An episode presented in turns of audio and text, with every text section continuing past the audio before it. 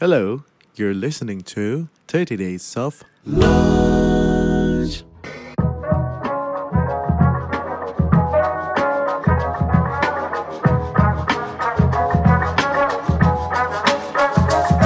the current standard is like what you say sangat melukai bukan hanya melukai bumi tapi juga melukai ibu-ibu dan perempuan-perempuan yang hidupnya bergantung dari membuat kain-kain ini sebenarnya.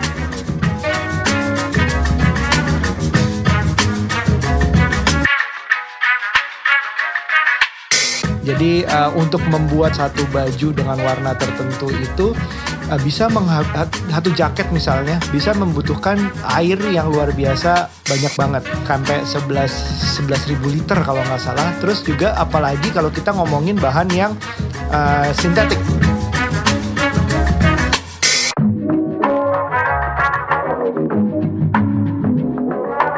Hey teman-teman tahu kan kerja zaman now menuntut kita harus fleksibel mulai kerja di kantor, coffee shop atau di rumah. Oleh karena itu dukungan device harus tepat. Nah untuk keperluan desain, kerja, and simple editing contohnya Lenovo Yoga bisa jadi solusinya. Ada versi convertible yang suka touchscreen atau pen dan tentunya bisa memilih Yoga 7i. Atau yang butuh itu dalam keadaan terpisah bisa versi detachable yaitu Yoga Duet 7i. Atau ada yang membutuhkan super ringan, bisa pilih Yoga Slim 7i Carbon. Jadi apa pun preferensi kamu, Lenovo Yoga bisa jadi solusinya. Hey guys, welcome back to 30 Days of Lunch. Hey teman-teman, eh kemarin dengerin nggak um, episode yang mengenai clean air? Itu ternyata lanjutan dari episode itu ada tentang ya gugatan yang dibicarakan oleh Ditri kemarin akhirnya disetujui bahwa uh, presiden, gubernur, menteri itu bersalah. Oh, untuk C bersalah katanya kalimatnya berat banget ya. Tapi sebenarnya memang uh, intinya adalah untuk mengatur ulang segala aturan pemerintah mengenai udara atau atau aturan regulasi-regulasinya sekitar itu disetujui dan harus dibenahi gitu, dibenahkan, dibenah, di, dibenerin gitu. Nah itu senang banget. Gue salah satu yang lumayan agak peduli lah, tapi tidak sebe, tidak se pengetahuan gue nggak sama sama kemarin yang kita ngomongin di podcast. Nah hari ini gue mau berlanjut nih. Sebenarnya bukan ngomongin clean air, tapi gue pengen ngomongin sesuatu hal yang serius juga. Aduh jangan kabur dulu ya kalau serius gini ya. Gue ditemenin sama Runa kok. Siapa tahu ada suara perempuan lebih menenangkan gitu. Hai Hai again. Hai Runa, apa kabar? I'm good. Good. Masih good di rumah. know. Masih di rumah, ya, Yes. ya, ya, ya, ya. Eh, Run, uh, hari ini gue mau ngobrol tentang sesuatu yang dekat dengan kita setiap hari, artinya nempel di badan kita. Salah satunya adalah, oh jarang banget nih gue ngomongin fashion.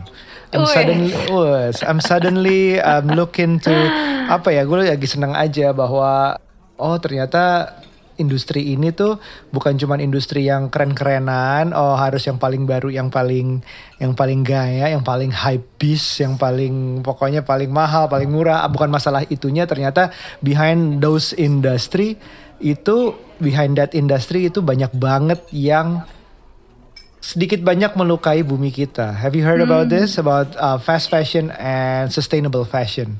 Yes, gue pernah dengar meskipun tidak mempelajari lebih dalam. Makanya waktu lo undang guest di sini, I'm so excited karena akhirnya kita bisa belajar langsung Wah, mengenai Ah, ah. yes, mengenai hal-hal yang ternyata fast fashion bisa melukai bumi ini gitu. Dan yang gue pingin tahu lebih dalam juga lalu korelasinya dengan kita sebagai pribadi di sehari-harinya tuh gimana. Hmm. Nah, makanya ini kayaknya eh, guest yang tepat dan unik. Iya, langsung aja kita panggil nih. Hai Denika.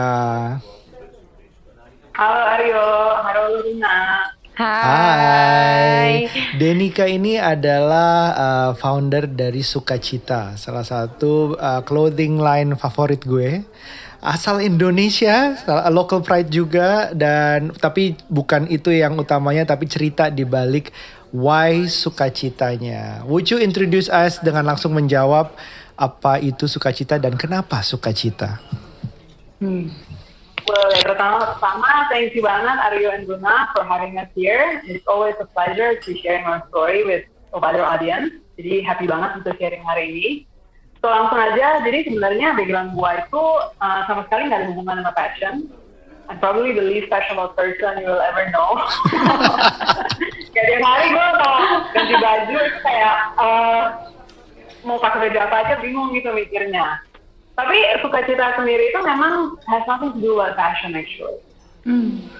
Dan kenapa sebenarnya cita-cita ini gue mulai di tahun 2011 adalah sebenarnya karena background gue sendiri itu sebenarnya development economist. Ya, jadi sebelum itu gue belajar belajar banyak banget riset-riset dari desa di Indonesia. Dan itu pertama kali gue itu ketemu ibu-ibu yang actually bikin baju kita. Hmm. Jadi gue tuh gede di Jakarta, di kota gitu ya. Jadi gue selama ini berpikir tuh kalau baju tuh muncul gitu aja gitu di toko. It's just like, you see it, you like it, you buy it, you wear it, done. Tapi ketika gue mulai ke desa, di situ baru banget mata gue tuh kebuka banget bahwa ternyata ada satu perjalanan yang sangat panjang di balik pembuatan dari sebuah baju itu yang sangat berkorelasi dengan pilihan kita apa yang kita pilih gitu. Sayangnya the current standard is like what you say sangat melukai bukan hanya melukai bumi tapi juga melukai ibu-ibu dan perempuan-perempuan yang hidupnya bergantung dari membuat kain-kain ini sebenarnya. Bayangin, gua kaget banget bahwa ternyata 98% dari wanita yang membuat baju kita itu tidak bahkan mendapatkan livable wage. Artinya, income yang dia dapat dari membuat baju itu nggak cukup bahkan untuk ngasih makan keluarganya. Hmm. 98 persen. Yes, globally. Oke. Bayangin dong, kayak wow. Jadi yang gue alami adalah gue ketemu langsung dengan ibu-ibu ini dan di situ hidup gue berubah gitu. Start realizing bahwa di balik sesuatu yang simple kayak baju yang gue pilih untuk gue pakai hari ini, ada wanita-wanita yang mungkin I will never meet in my life. And then I just realized that I just didn't want my choice to hurt them anymore. Jadi di situ gue merasa panggilan untuk membangun jembatan basically antara mungkin orang-orang kayak kita yang mungkin peduli yang mau, mau tahu gitu dengan mereka supaya mereka ibu-ibu ini bisa satu jadi dari kerajinannya buat menjaga kultur mereka dan juga paling penting itu sebenarnya menjaga bumi kita juga nah apa gue bilang gitu kayak yang tadi Aryo bilang kan saat ini begitu banyak chemical yang digunakan dalam pembuatan baju yang sangat melukai bumi kita. Dan itu berasal sebenarnya dari proses pewarnaannya. Kadang-kadang Yeah. kita kan pakai baju ya, kita uh, mikir oh tadi ah pengen pakai baju warna hitam atau merah atau anything. But have you ever thought about how the color came to be? Nah jadi Jadi yang gue lihat, ah, sorry, gimana sih? jadi gue gue um, juga nonton nih um, gue nggak tahu nyebutnya dokumenter atau stand up comedian ya. Jadi uh, Hasan Minaj punya acara namanya Patriot Act di Netflix. Uh, salah satunya ngebahas tentang fast fashion.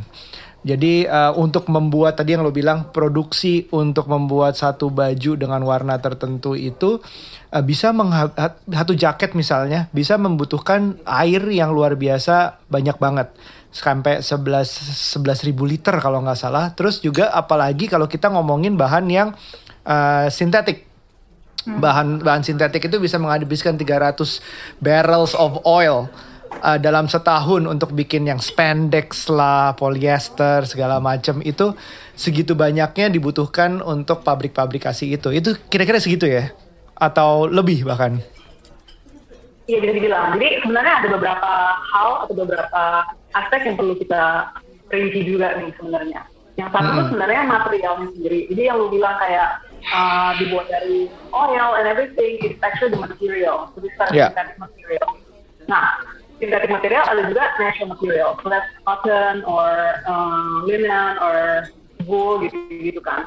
Yang kedua itu sebenarnya bukan chemical yang banyak itu sebenarnya dari chemical yang dipakai untuk dyeing and finishing of that material. Artinya, lu bayangin ketika pabrik-pabrik ini membuat material-material polyester atau cotton itu, mereka membuatnya kebanyakan putih. Oke, wow. Jadi dia harus diwarnai melalui proses pewarnaan untuk bisa menjadi warna yang kita inginkan. Dan eh, udah banyak banget dipelajarin bahwa sekarang ini eh, warna dari sungai kita itu sangat berkorelasi dengan tren apa yang sedang dibuat di industri fashion di bulan Ah. itu.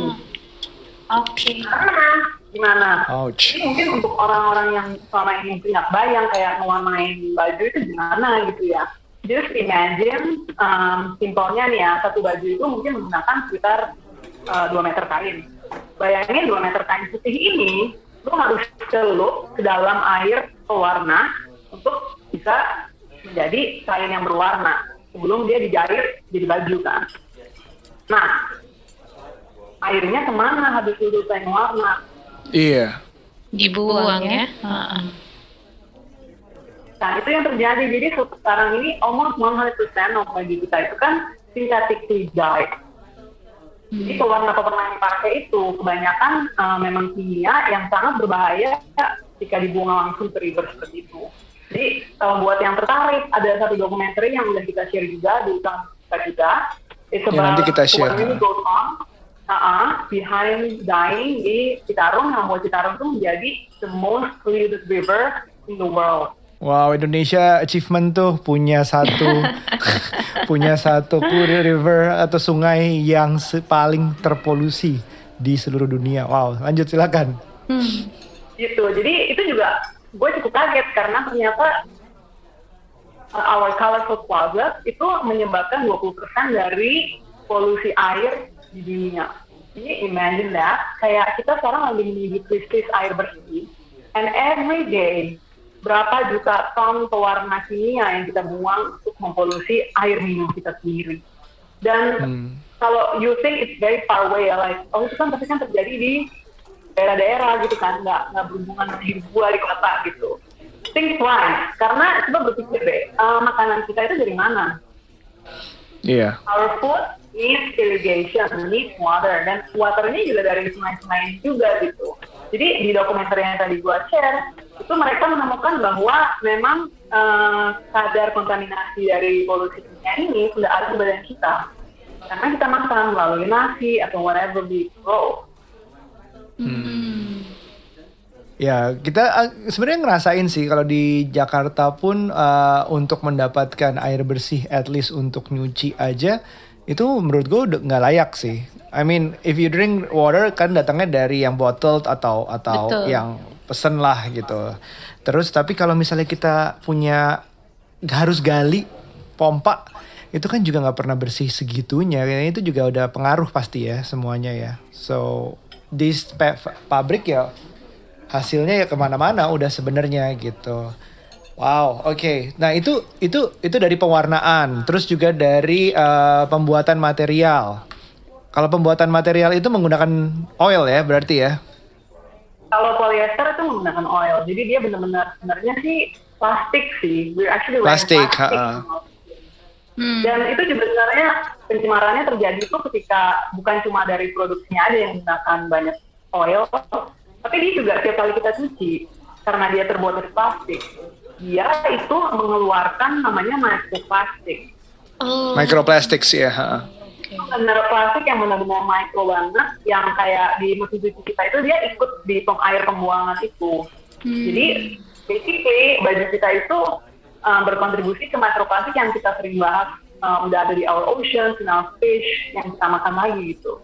So it's really like what goes around comes around. And why this matters is because it's not about saving the earth or saving the planet it's actually about saving ourselves gitu. Kalau kita peduli dengan kesehatan kita, we should really think about these things and how our clothes are made. Oh jadi wow oke jadi sustainable fashion itu saving the earth and saving ourselves dan saving others as well maksudnya selain diri kita sendiri yang mengkonsumsi misalnya makanan dari um, you know sungai-sungai yang menggunakan sungai-sungai yang sudah terpolusi terus belum lagi kita uh, menggunakan air-air di Jakarta pun yang sudah terpolusi terus plastik yang ada di air dan laut sungai sampai laut itu udah banyak banget sebenarnya dan juga uh, ini adalah salah satu dari segi envi- baru baru dari segi seginya banyak ya sebenarnya environment dan people gitu. Iya. Belum lagi masalah kesejahteraan. Tadi lo bilang 98% ibu-ibu ya yang yang tidak mendapat uh, kesejahteraan yang cukup. Nah, ini gue juga pengalaman gue uh, di dunia kargo bahwa banyak fast fashion brand di luar sana itu import dari Indonesia, import buat mereka maksudnya. Kita jadi ekspor. Kita ekspor salah satunya terus udah gitu juga ada negara-negara third world countries like Bangladesh, uh, India, Pakistan, uh, Indonesia, Thailand dan Vietnam misalnya. Vietnam. Itu semua ekspor gitu segala macam. Dan kenapa salah satu alasannya ekspor apa mereka import dari negara ini adalah cost cost yang murah. Memang mereka tidak mendapatkan um, kesejahteraan yang cukup dari pabrik ini. Udah pabriknya ada limbahnya, plus kesejahteraan buat pegawainya juga concerning. Is that right? That's exactly what's going on. Ya. Sebenarnya sih kalau sebagai ekonom tuh ya konsep-konsep yang bilang ini, we have a name for it. We call it externality. Jadi Apa? Sorry? externality Ini artinya externality. Externality. Oke. Okay. So it means apa ya kayak in- indirect impact dari kegiatan lu sebenarnya.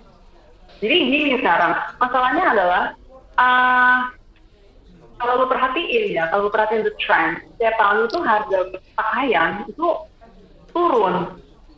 Jadi even though inflasi itu setiap tahun naik, harga pakaian itu turun gitu. Hmm. To the point that right now you can even buy clothes cheaper than a sandwich.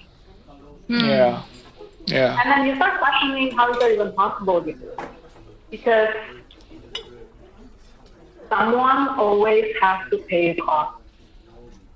Sekarang ini harga pakaian yang begitu rendah itu disubsidi oleh ya mereka yang membuatnya, tapi juga bumi kita sendiri gitu. Oke, kalau kita ngomongin harga ya misalnya, kita punya designer brands misalnya uh, jualan sepatu yang kayak kaos kaki itu harganya 800 dolar misalnya. Terus uh, fast fashion bikin knock off-nya. Knock off tuh mungkin istilahnya yang mirip tapi nggak nggak nggak palsunya, nggak menunjukkan brandnya, nggak nyamain berusaha nunjukin brandnya harganya itu bisa jadi 10 persennya. Padahal ini barang-barang yang dijual di mall juga gitu dan resmi dan dan dan nggak palsu dan legal dan nggak palsu. Itu udah itu, itu udah 10 persennya dari harga misalnya 800 dolar dijual ini ada 80 dolar. Belum lagi kita ke ITC, Mangga 2, kita ke kita ke pasar tuh banyak brand yang ya palsu mengikutin brand yang asli dengan logonya lah diplesetin atau apa segala macam. Dan itu harganya bisa sampai 10 persennya lagi dari harga yang ada di mall. So you can imagine satu barang yang hampir sama fungsinya sama-sama menutupi bagian tubuh itu harganya bisa sa- satu 100 persennya dari yang satunya gitu 100 kali lipat dari yang satunya. Dan banyak yang dikorbankan. Mungkin itu yang dicoba digambarkan oleh Denika ya. Hmm. hal-hal Tapi ap- ya sorry ya, gimana Runa? Nggak apa-apa silakan Tapi aku jadi penasaran karena kan gini ya.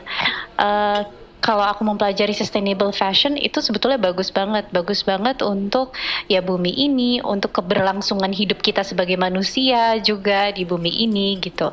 Tetapi ada eh, faktor yang gue perhatikan, our survival factor yang aku rasa menjadi salah satu isu yang misalnya kita melihat bahwa baju-baju yang sustainable ini biasanya kan lebih mahal dibandingkan baju-baju yang nggak sustainable gitu. Hmm. Sedangkan eh, kalau kita lihat dari pendapatan ekonomi masyarakat kita juga banyak yang mungkin tidak mampu beli baju yang sustainable ini gitu.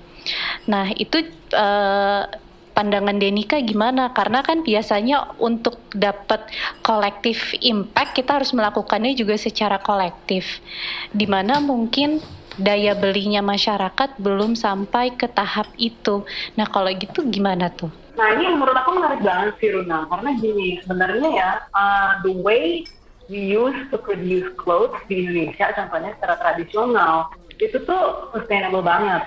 The way we were consuming, the way we were producing was really sustainable. Sekarang itu maksud aku sekarang uh, kebanyakan diskusi dari sustainable fashion itu selalu uh, ngomongin harga harga jual. Tapi sebenarnya kalau menurut aku, uh, karena kita itu sudah di brainwash oleh industri ini untuk membeli begitu banyak baju, Mm-mm.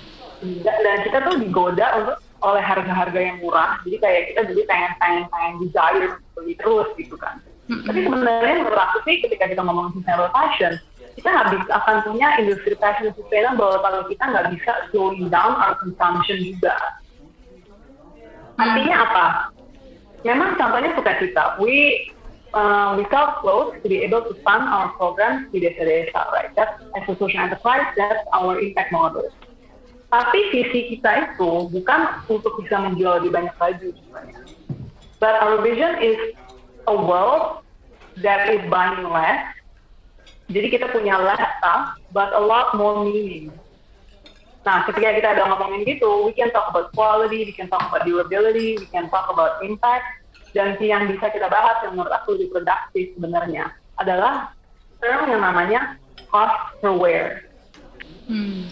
Cost per wear. Nah, Ya, jadi kayak misalnya uh, we buy t-shirt kan kita bisa beli t-shirt dengan harga dua puluh ribu contohnya, right? Mm -hmm. But uh, mungkin dia ya maksudnya make a thousand t-shirt costnya has to be how low and quality-nya you wouldn't expect much juga. Yeah. Jadi ketika dia udah mulai rusak di pemakaian ketiga, lu juga berpikir oh ya udah gitu, it was a price, jadi lu buang aja gitu.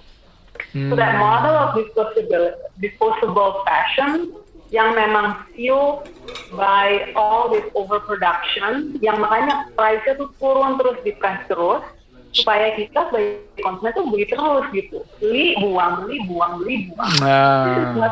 solving all these problems gitu. Jadi menurut aku sih itu about harganya murah harganya mahal. But for me yang kita pengen lakukan sebenarnya ngajak kita untuk slow down gitu. Don't buy as much don't buy things you don't need tapi benar-benar changing our relationship with the item. Kayak baju itu bukan hanya sebuah objek jadi, tapi dia mempunyai sebuah apa ya kita sayangi dia gitu. Jadi ketika dia rusak kita perbaikin. Jadi ya bisa kita pakai bertahun-tahun gitu. Ya ya ya. You know you know what what ruined as well adalah um, social media juga sih salah satunya. The, the fact that um, oh gue nggak ah dia juga pakai baju ini gue nggak mau pakai baju lagi yang sama misalnya. Gue udah pernah kelihatan di foto gue pakai baju yang ini. Nanti kalau ada yang gue pakai baju yang sama di komen mas nggak punya baju lain gitu misalnya. Atau misalnya uh, gue udah pernah nih harus tampil um, di acara atau apa jadi akhirnya ganti lagi. Dan itu ganti-ganti ya, ya benar karena misalnya harganya terlalu murah ya udahlah cuma segitu gitu. Padahal nggak kepikir waste-nya tuh juga substansial jadinya. Eh, jadi kalau kita ngomongin uh, fast fashion itu mereka produce produce produce biar baru baru baru terus. Feelnya adalah baru terus. Jadi kalau misalnya musim dalam setahun harusnya empat itu bisa jadi kayak 52 musim dalam setahun gitu. Keluar terus yang baru. Tiap jadi, minggu. tiap minggu. Itu namanya minggu ya harusnya ya. Iya. jadi kalau misalnya gitu. iya iya iya iya ya, cocok juga social media yang kalau bilang jadi kita ikut tapi gue ngerasa kita jadi kayak hamster gitu mm, like yeah. just fighting tapi kita we're never happy actually gitu Hmm. Iya, ini sama kayak salah satu podcast yang pernah kita omongin um, minimalism sih. Uh, kita pernah ngobrol tentang minimalism sedikit. I'm not a full minimalism, tapi maksudnya kalau punya sesuatu itu um, sesuai dengan value-nya, salah satunya termasuk baju ya harusnya ya mungkin ya. Hmm. Jadi bukan hmm. um, terus lawannya mungkin hoarder ya, hoarding things ya, semuanya dikumpulin. Kalau enggak kok bajunya nggak gue buang, gue punya baru aja terus terus ngapain ada di ada di lemari lo? Ya nggak apa-apa, kan sayang nih ada memorinya sama ini, ini ada ini. aja. Tapi Mbak, aku jadi penasaran gini. Uh, kan ada juga beberapa orang yang memang dia memang skala belinya seperti itu gitu. Kayak misalnya contohnya ya, kayak kecap gitu. Kecap ada botol besar, botol sedang, botol sachet. Dan untuk beberapa uh, pasar pangsa konsumen gitu, mereka lebih baik membeli sachet setiap dua atau tiga hari dibandingkan uh, membeli langsung satu botol yang medium ataupun large karena memang penghasilan mereka per hari gitu. Uh, I know ini nggak apple to apple dengan fashion, tetapi melihat mungkin juga ada beberapa pangsa yang dia nggak mampu langsung beli satu big price gitu. Dan kalau misalnya kita lihat satu big price itu juga rasanya nggak mungkin kita pakai setiap hari gitu. Uh, dibandingkan kalau misalnya kita beli baju yang memang kualitasnya nggak terlalu bagus, tapi dia bisa beli beberapa macam dan dia bisa pakai beberapa hari gitu. Nah, kalau kayak gitu, bagaimana kita bisa uh, mengatasi challenge-nya ya, Mbak? Melihat orang-orang seperti ini gitu. Apalagi kalau misalnya dia ke kantor gitu, ke kantor dia ketahuan setiap hari Sabtu, setiap hari Senin pasti dia pakai baju yang itu deh gitu, atau Rabu yang itu deh gitu ya. Di mana well actually it's fine gitu, tapi mungkin um, it's it's too expensive untuk dia keeping this uh, this one clothes dipakai terus menerus. Kalau kayak gitu gimana ya Mbak? Itu pertanyaan yang menarik sih menurut aku karena sebenarnya kan uh, to be a sustainable person kan it doesn't mean you have to buy sustainable action oh, menurut mm. aku there are other ways too kayak contohnya you can buy second hand you can mm. rent misalnya mau beli terus uh, you can borrow from your mom Mm. I did that. nah, mungkin bisa merubah mindset juga bahwa segalanya tuh harus beli beli beli beli beli gitu juga gitu. Iya, Oke. iya, iya. Karena pinjam or like cari thrift atau um, second hand shop kan sekarang sudah banyak juga gitu. Mm. Terus menurut aku sih penting banget kita tuh harus normalizing re-wearing clothes. Hmm, ya. Kayak sekarang tuh uh, banyak banget yang karena mungkin berhubungan dengan kayak gengsi or social acceptance bahwa sekarang tuh kalau kita pakai baju yang sama-sama terus tuh kayak dianggap nggak ada budget atau something gitu kan selalu konotasi itu negatif gitu. Hmm. Tapi I feel like that is the only way through this gitu. Kayak here's the truth, we cannot shop our way to sustainability. Hmm. We cannot save the planet by shopping. Hmm. jangan membiarkan marketing-marketing gimmick itu mengelabui kita juga gitu. Hey guys, siapa yang selama pandemi ini berat badan malah naik? Gimana nggak naik? Seringnya di rumah, olahraga jadi jarang. Kita harus hati-hati. Berat badan berlebih meningkatkan resiko obesitas dan diabetes. Salah satunya adalah dengan cara jaga berat badan. Dengan pilih cemilan yang lebih baik. Memang ada cemilan yang lebih baik? Ada dong. Coba ini. Tropicana Slim Hokkaido Cheese Cookies. Snack bebas gula dengan rasa keju khas Hokkaido yang enak, hanya 100 kalori di setiap sasetnya. Karena bebas gula, Tropicana Slim Hokkaido Cheese Cookies pas banget untuk yang diabetes dan diet. Ngemil pun jadi gak perlu khawatir lagi deh. Langsung beli dan stok di rumah, belinya di sebagian besar Indomaret di Pulau Jawa dan sebagian besar Alfamidi di seluruh Indonesia. Yo. Jadi tadi kita udah dapet satu uh, adalah um, control your wear atau nantinya jadinya uh, kalau misalnya kita mau beli sesuatu pace yourself lah. Nggak sesering itu belinya yang kita kita omongin. Pakai baju berulang-ulang lebih banyak. Nggak masalah itu. Normalize. Terus kedua adalah um, buy second hand atau itu yang borrow dibilang slow fashion bukan sih? Bener nggak sih? I know nothing about fashion, jadi that's why I ask. Plus, ada, ya, bisa istilah, jadi. ada istilah slow fashion gitu, tapi aku belum mudeng banget sebetulnya what what is it gitu. Beberapa udah bikin namanya sharing ekonomi buat fashion sih. Maksudnya uh, borrowing stuff like branded bags lah mungkin atau shoes atau apa gitu. Itu itu bagian dari fashion yang masih bisa menurutnya ma- masih bisa pinjemin itu juga udah ada startup startup ke arah situ. Atau sambil jualan second handnya. I think that's that's a reason. Dan dan dan kita di sini juga pengen tahu sebenarnya um, sukacita itu what makes it different? Bahwa how do you keep a product itu 100% atau as as closest to 100% sustainable dari apanya aja Jadi untuk menjawab pertanyaan itu tuh, I think it's important kita at least define dulu maksud kita sustainability itu apa Rio. Karena menurut gua sekarang ini terutama setelah pandemi ya, as if everything we're buying right now itu sustainable gitu. Tapi mostly for me it's actually just a marketing gimmick. The thing is, sustainability sendiri itu sangat-sangat kompleks, it, and it has many dimensions. Jadi kebanyakan orang itu punya definisi sustainability yang berbeda-beda. Contohnya, if you look at a big brand yang kayak not really transparent, not really traceable about how it's made, tapi terus packagingnya dia ganti mungkin no longer using plastic polybag, tapi mungkin something little bit yang lebih ramah lingkungan. Versus mungkin di satu sisinya lagi ada like a small company yang actually fully traceable, tapi mungkin dia masih pakai polyester contohnya. Can you credibly say which is sustainable? Tapi dua-duanya akan menggunakan sustainability di marketing mereka. Jadi menurut ini juga salah satu sumber masalah lagi sih. Right now there's so much greenwashing karena semua orang tuh dengan gampangnya ngomong sustainable karena nggak ada standardized definition of what sustainability is. Makanya kalau menurut gua untuk bisa menjawab pertanyaan lu dengan dengan jelas, I think uh, I'm gonna share my definition of sustainability dulu dan gimana menurut gua bisa, kita menjalankan itu. So for me sih sustainability itu understanding the whole journey of what really goes on behind clothes. Mungkin kita selama ini nggak sadar, tapi baju kita itu sebenarnya mulai dari bumi. Kita kita kita pakai semua natural fiber, semuanya itu harus ditanam dari bumi. Nah, bayangin kapas ini tumbuh, terus di di harvest oleh ibu-ibu, terus lu pinta jadi benang, dari benang baru di weave untuk jadi kain.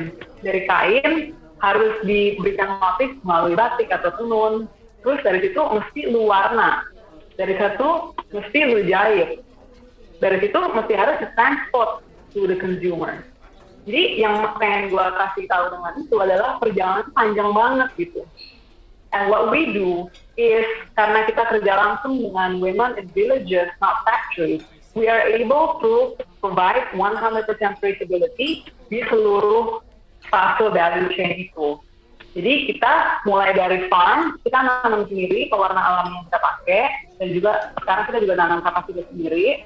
Kita kerja langsung dengan ibu-ibunya, yang terus uh, actually nanam kapas ini secara regeneratif. Nanti gue ceritain dulu aslinya apa. Dari situ ibu-ibunya kita pastikan mendapatkan living weight yang kita hitung memang dari uh, standar mitra kita itu.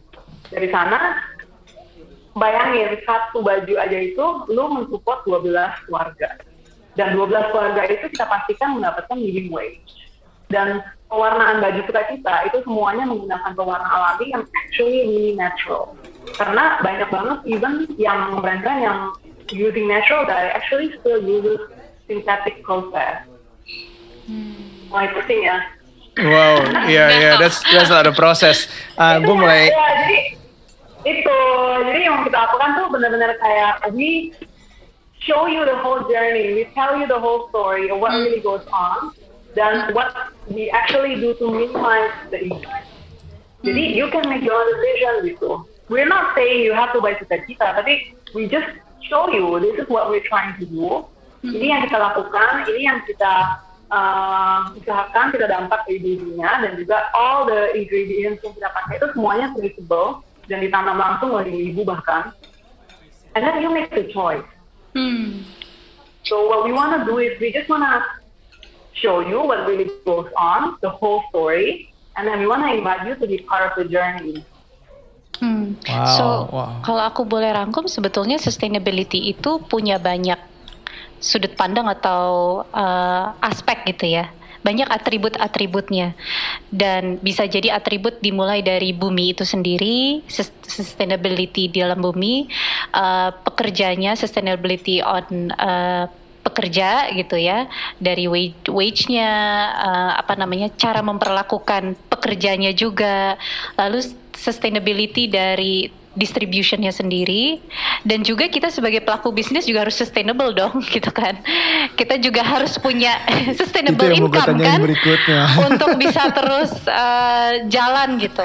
Nah mungkin uh, aku punya pertanyaan. Kalau kita memang belum sanggup untuk komit menjalankan the whole aspek dari sustainability itu apakah masih terhitung that we're doing sustainable action kalau kita mulainya dari aspek per aspek gitu. Contoh misalnya, oke okay, misalnya uh, bahannya atau barangnya yang kita beli belum sepenuhnya sustainable untuk earth, tapi setidaknya uh, brand atau company itu sudah membayar wages dan memperlakukan pekerja itu dengan uh, respect gitu. Yeah, yeah. Di mana tapi mungkin distribusinya masih perlu perbaikan gitu. So can we start small, little by little?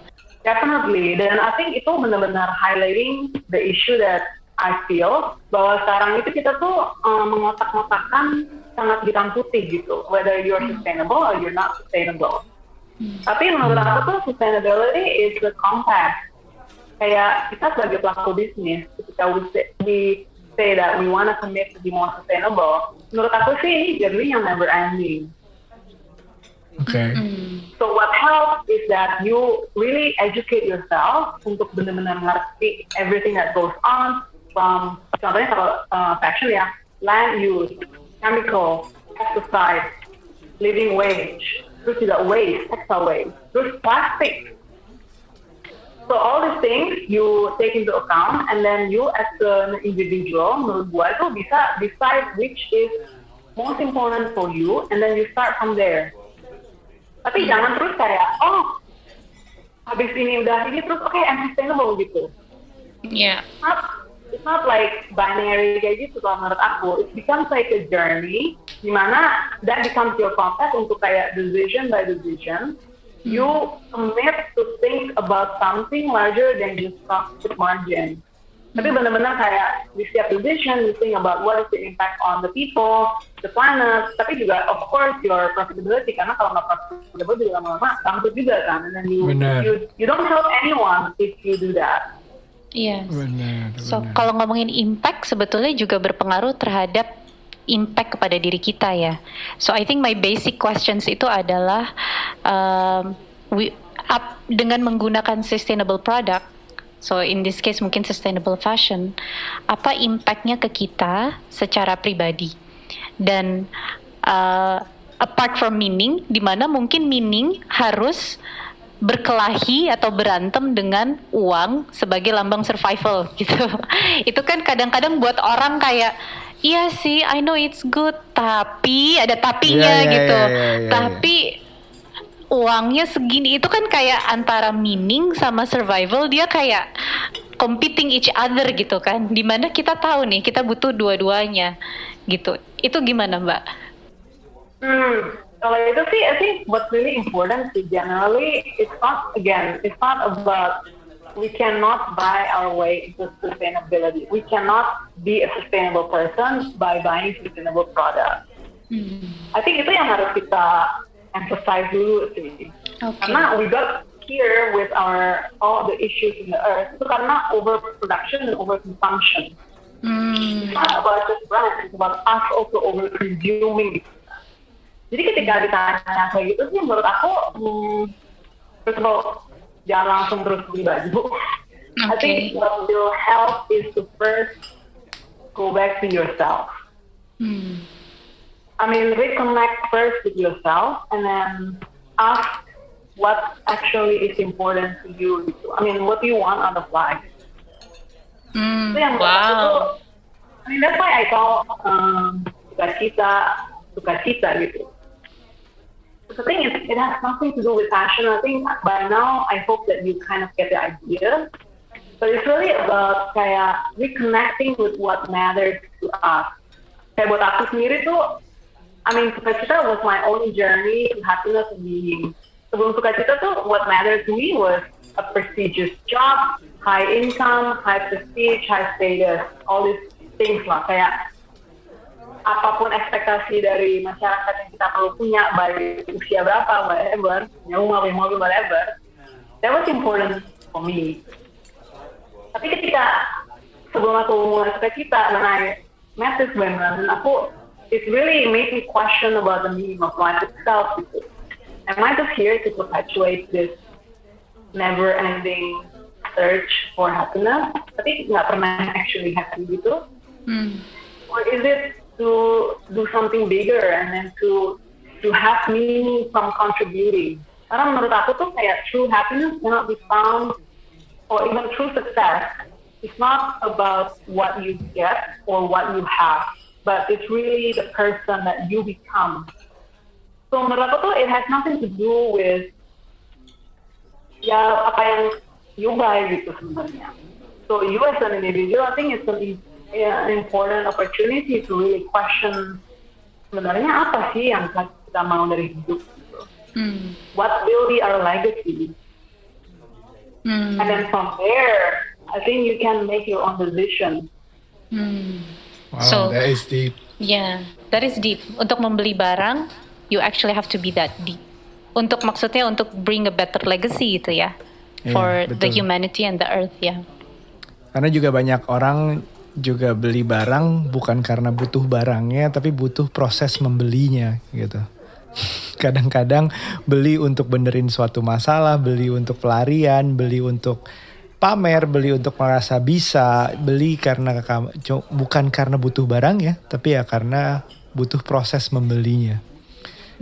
Dan itu yang belum ya kadang, -kadang tapi gue sebagai sebagai pembeli um, sukacita sudah sudah mulai merasa uh, di tengah-tengah menghargai suatu pakaian gitu jadi um, it it cost me jujur aja dan dan merasa bahwa oh ini ini oke okay, gue jadwalin. Pakainya seminggu berapa kali sekali aja atau enggak uh, oke okay, nanti dicucinya yang benar dijaga baik-baik. Biasanya nggak peduli gitu. Jadi kalau baju udah karena gue nggak mau kan baju yang cepat rusak terus cepat buang lagi gitu. Karena bahkan ya di rumah gue aja baju putih udah ber udah set, ya berapa bulan ya 6 bulan aja dipakai karena saking sukanya sama sesuatu gue pakai sering dan gue anggap murah warnanya udah berubah udah pasti karena kualitas kalau kualitas air di rumah gue juga nggak segitu kinclongnya kan. Iya, iya. Masa gue nyuci pakai air air mineral air minum nggak mungkin juga betul, gitu. Betul, betul. Nah yang kayak gitu kayak gitu mungkin um, lebih bikin menghargai pakai bajunya seperti apa. Dan ya uh, ngobrol hari ini merasa lebih banyak lagi sih yang bisa dipelajari dari dari itu bukan cuma menyelamatkan lingkungan tapi juga menyelamatkan diri sendiri dan kita semua yang ada di dalamnya gitu. Tiba-tiba Menarik kayak sekali. simple vision kayak what to wear today itu has a very different meaning ya.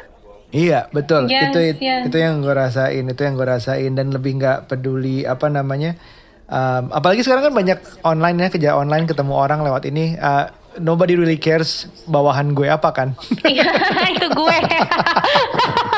Yang penting atasan rapi. Yang penting atasan, bahkan atasan, baju uh, baju hitam aman gitu. Bawahan Atau ini apa, ya, apa? Uh, luar, uh, tutup shawl tutup shawl ya ya Banyak kan bawah celana tuh gue tiap hari ya sama aja celana tidur semuanya gak ada yang tahu. gitu. Iya, okay. tapi yang lu share sih menurut gue menarik banget Rio. Karena sebenarnya memang uh, saya sih tujuan utama suka kita itu kan it's really not about selling new clothes. I think. Yeah. It's really to show that there is a different way of doing things. Dan ketika we can do something right, when we can make sure that clothes are made right, it can have so much impact in the life of others. Mulai kalau buat kita, buat gue pribadi, of course in the life of the ibu, ibu-ibu yang bikin baju kita. Yeah. Tapi yang menurut gue equally meaningful tuh sebenarnya you guys, your stories. Banyak banget yang memang cerita ke gue ketika mereka berinteraksi dengan suka kita, nggak necessarily something change in them. Mm. Dan itu yang menurut gue itu penting banget gitu. I think it's very important right now untuk kita itu educating ourselves.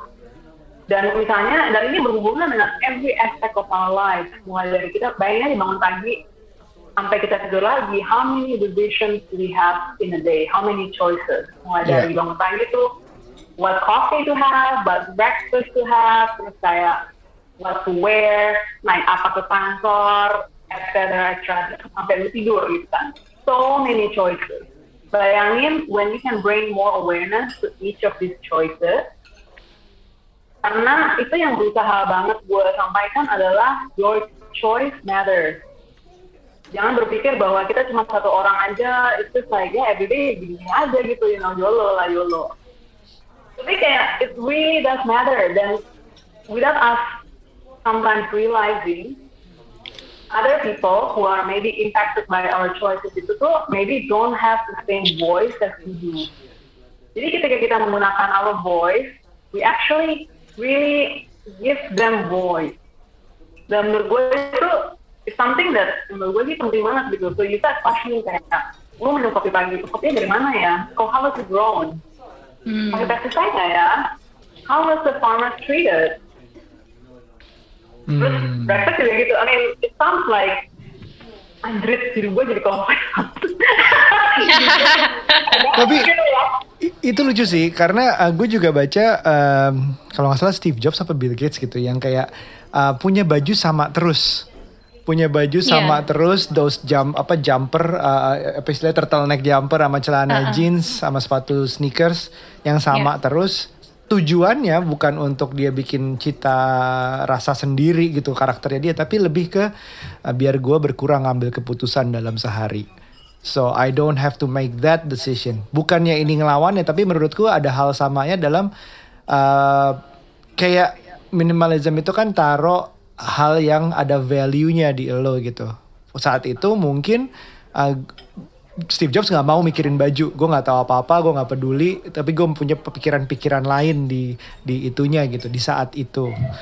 Jadi jadi kayak being mindful about what you do in a day, entah itu di bagian apa yang lo pakai atau apa yang lo makan atau apa yang lo kerjakan, at least you have that. Itu yang kayak pengen gue bilang sih. Jadi kalau di saat kita pakai uh, sustainable fashion, yang ngerasa gue mau mindful di, oh at least mungkin ada yang merasa bersalah selama ini. Aduh gue pakai dari perusahaan yang diomelin sama netizen ini gitu.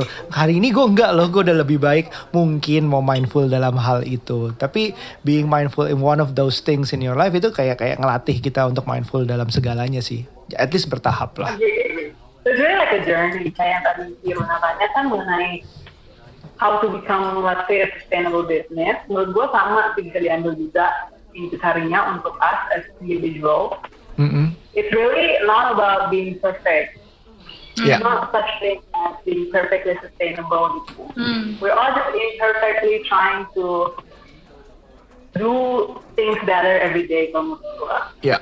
Ini juga let's also, I mean, by sharing all these issues, sebenarnya gue juga nggak bermaksud untuk kayak talking bad about other companies or everything. It's just trying to show what really goes on. Terus juga, maybe tomorrow you feel baik, it's fine gitu. Tapi maksud gue tuh yang kita pengen lakukan adalah sharing that awareness supaya ada that mindset shift. Jadi ketika lu do something, buying something, nggak cuma asal beli aja gitu, but you actually have this thinking process gitu. Karena menurut gue sih something itu nggak cukup dengan dia itu cuma cantik atau beautiful, tapi the way it was made should also be beautiful. Hmm. Oke, Yeah. ya what you're doing is on the right track menurut gue karena beberapa perusahaan uh, fast fashion juga udah menyatakan uh, we're going sustainable, we're going green. At least, at least niatnya sudah ada menuju situ. Mau diselesaikan kapan, mau bener apa enggaknya. Tapi kalau sudah di somehow dimension, I think it's going there. Jadi jadi mereka sudah mulai misalnya dari suatu perusahaan fast fashion yang yang bajunya mungkin prosesnya belum sustainable tapi boxnya mungkin udah plastiknya udah teksnya eh, tagnya itu tag eh, bajunya udah. Atau cara mereka memperlakukan karyawannya karena tiba-tiba ada perusahaan besar yang ada eh, gender equality-nya belum benar ada sexual harassment masih ada kayak gitu. Terus sama kelamaan benar. Ya well at least kita ngelakuin sesuatu ngubah hidup itu bits by bits ya. Jadi jadi nggak nggak nggak in an instant you change completely. Oh ke- kemarin nggak sustainable sekarang sustainable gitu kan. It doesn't happen in a night. Hmm. Atau jangan-jangan mereka malah konsul sama Denika, lo nggak tahu kan? Harus harus itu kayaknya harus. Tapi ini eh, apa namanya yang pertanyaan aku terakhir Mbak Denika, when you make this dari awal perjalanan dari hilir ke hulu gitu ya, eh, apa yang harus jadi sustainable-nya itu di aspek apa? Itu by your observation and intuition by heart aja atau ngikutin mappingnya. Kalau mapping kan uh, kita punya mapping sustainable development goals gitu ya dan apa aja yang harus sustainable. Nah in your case you just do by heart atau you actually mengikuti mappingnya itu that SDGs itu Kalau buat aku sendiri sih memang kan background aku tuh ekonom ya. Jadi memang I'm very nerdy.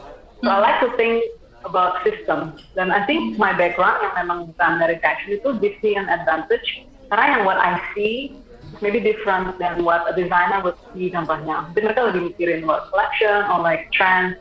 Tapi kalau aku tuh lebih mikirin how do we build a system di mana kita bisa menjembatani ibu-ibu ini dengan kesempatan untuk merubah hidup mereka sendiri without us actually giving them aid. Karena background aku kan sebenarnya NGO, jadi Aku Oh. pengen membuat usaha enterprise itu karena aku pengen ini lebih sustainable gitu. Hmm. in terms of pride mungkin. Jadi mungkin uh, you maybe don't imagine, tapi kan di Indonesia sendiri kan we have a lot of aid going to rural areas, right? Tapi yang aku lihat tuh kadang-kadang because of giving aid, kayak kita mau menerima charity gitu ya, you also take away the pride. Kayak kita harus ditolong gitu, you know. Tapi yang pengen aku lakuin dengan cita-cita ini sebenarnya aku pengen mengembalikan that pride untuk ibu-ibu yang mungkin selama ini tuh invisible. Hmm. We don't know that actually behind something we wear are women who we have never met and will never meet. Hmm. Dan aku pengen banget jangan sampai my choices in life hurt them. Jadi dari sana terus aku memang kan backgroundnya luas banget. Jadi for me it wasn't enough gitu kayak oke ibu-ibu ini. But I think giving opportunity shouldn't come at the cost of the planet. Gitu. Dari sana aku mulai kayak mempelajari lagi dan anjir ternyata pollutionnya gila juga ya. I mean 20% of our clean water is being polluted by our clothes gitu kan. Kayak what? Sementara begitu banyak masyarakat yang sebenarnya nggak dapat akses air bersih itu doesn't make sense to me. Jadi di situ aku mulai tuh tracing tracing, research research dan lebih banyak ke apa ya humbling myself juga bukan datang dengan solusi ke desa tapi justru bertanya ke mereka Hmm. how was it done dulu itu sepuh-sepuh kayak mbah-mbah gitu tuh ngewarna baju gimana gitu. Hmm. terus mereka cerita oh dulu ada tanaman ini tanaman itu bla bla bla. Terus kayak hah really? Terus sekarang gimana? Oh sekarang udah nggak ada siapa yang pakai itu? bla bla bla gitu kan. Jadi aku merasa kayak oh shit we have so much indigenous culture kearifan lokal yang sebenarnya itu in itself itu udah sustainable gitu. Tapi karena industrialization and kayak segalanya harus massal dan efisien kita meninggalkan begitu banyak kearifan itu untuk menjadi seperti sekarang gitu, where it's completely polluting. Jadi untuk singkatnya sih menjawab, memang uh, I'm someone yang by nature itu very curious. Jadi aku tuh uh, wanna make sure that this is not just a business. For me, sudah kita it's not a business. It's really my model of change. Jadi aku tuh particular banget, like uh, ibu-ibunya living wage-nya kalkulasinya begini, ibu-ibu di training supaya mereka bisa ngitung sendiri how Hmm. much should they getting. Dari sana kita training mereka, how how can you save. Jadi harus ada financial literacy juga di situ kan. Makanya kita dengan uh, income dari kita kita itu 100% itu kita memang pakai untuk kegiatan yayasan rumah kita kita kita juga yang membangun sekolah-sekolah di desa untuk ibu-ibu ini tuh belajar all the skills that they need to lift themselves from poverty. Hmm. So, kita not only mempreserve culture batik atau tenun di rumah kita kita ini, tapi kita juga memberikan ibu-ibu ini dengan life skills yang penting banget kayak how to save, how to like manage your household income supaya ada tabungan buat uh, bad days atau kayak making sure your education of the kids never let go. Jadi kita lakukan ini juga karena ya itu uh, and then we also do a lot of training in natural dyeing dan juga mereka gimana nanamnya juga karena I I want to make sure that this is just not another business. This is really something yang menurut aku tuh uh, for me personally I'm building a legacy. This is what I wanna do. This is what I want my work to create in the world. Dari situ jadilah sebuah sukacita yang memang dari luar kelihatannya bajunya mahal, tapi what we're trying to share today is that doing things right comes at a cost. Hmm. Dan juga yang kita lakukan ini bukan kayak we want you to buy buy buy buy buy. Terus kayak kita dengan all the income we're like super rich gitu. Enggak. Karena 100% dari profit kita memang mendanai program desa kita melalui yayasan kita sendiri gitu. Hmm. So how does a company how does a company grow when 100% of the profit goes to So, somewhere else? Yeah. I mean, there's like return earning yang memang kita pakai untuk kayak invest in like uh, maybe additional machine batik untuk mereka and all these things. Tapi memang semuanya kita pakai untuk kegiatan kita di desa sebenarnya. Wow. Terus grow company-nya gimana? Maksudnya rencana untuk I don't know open more shops, um, you know, hire more people atau how to I don't know how to expand. Plan of world domination. yeah, world domination. Uh, so berarti we run it not by conventional metrics of success. So memang we have a very clear definition of enough. We know exactly why we exist. Dan dari situ sih kita lebih fokus ke uh, running all these programs, scaling the program through the yayasan.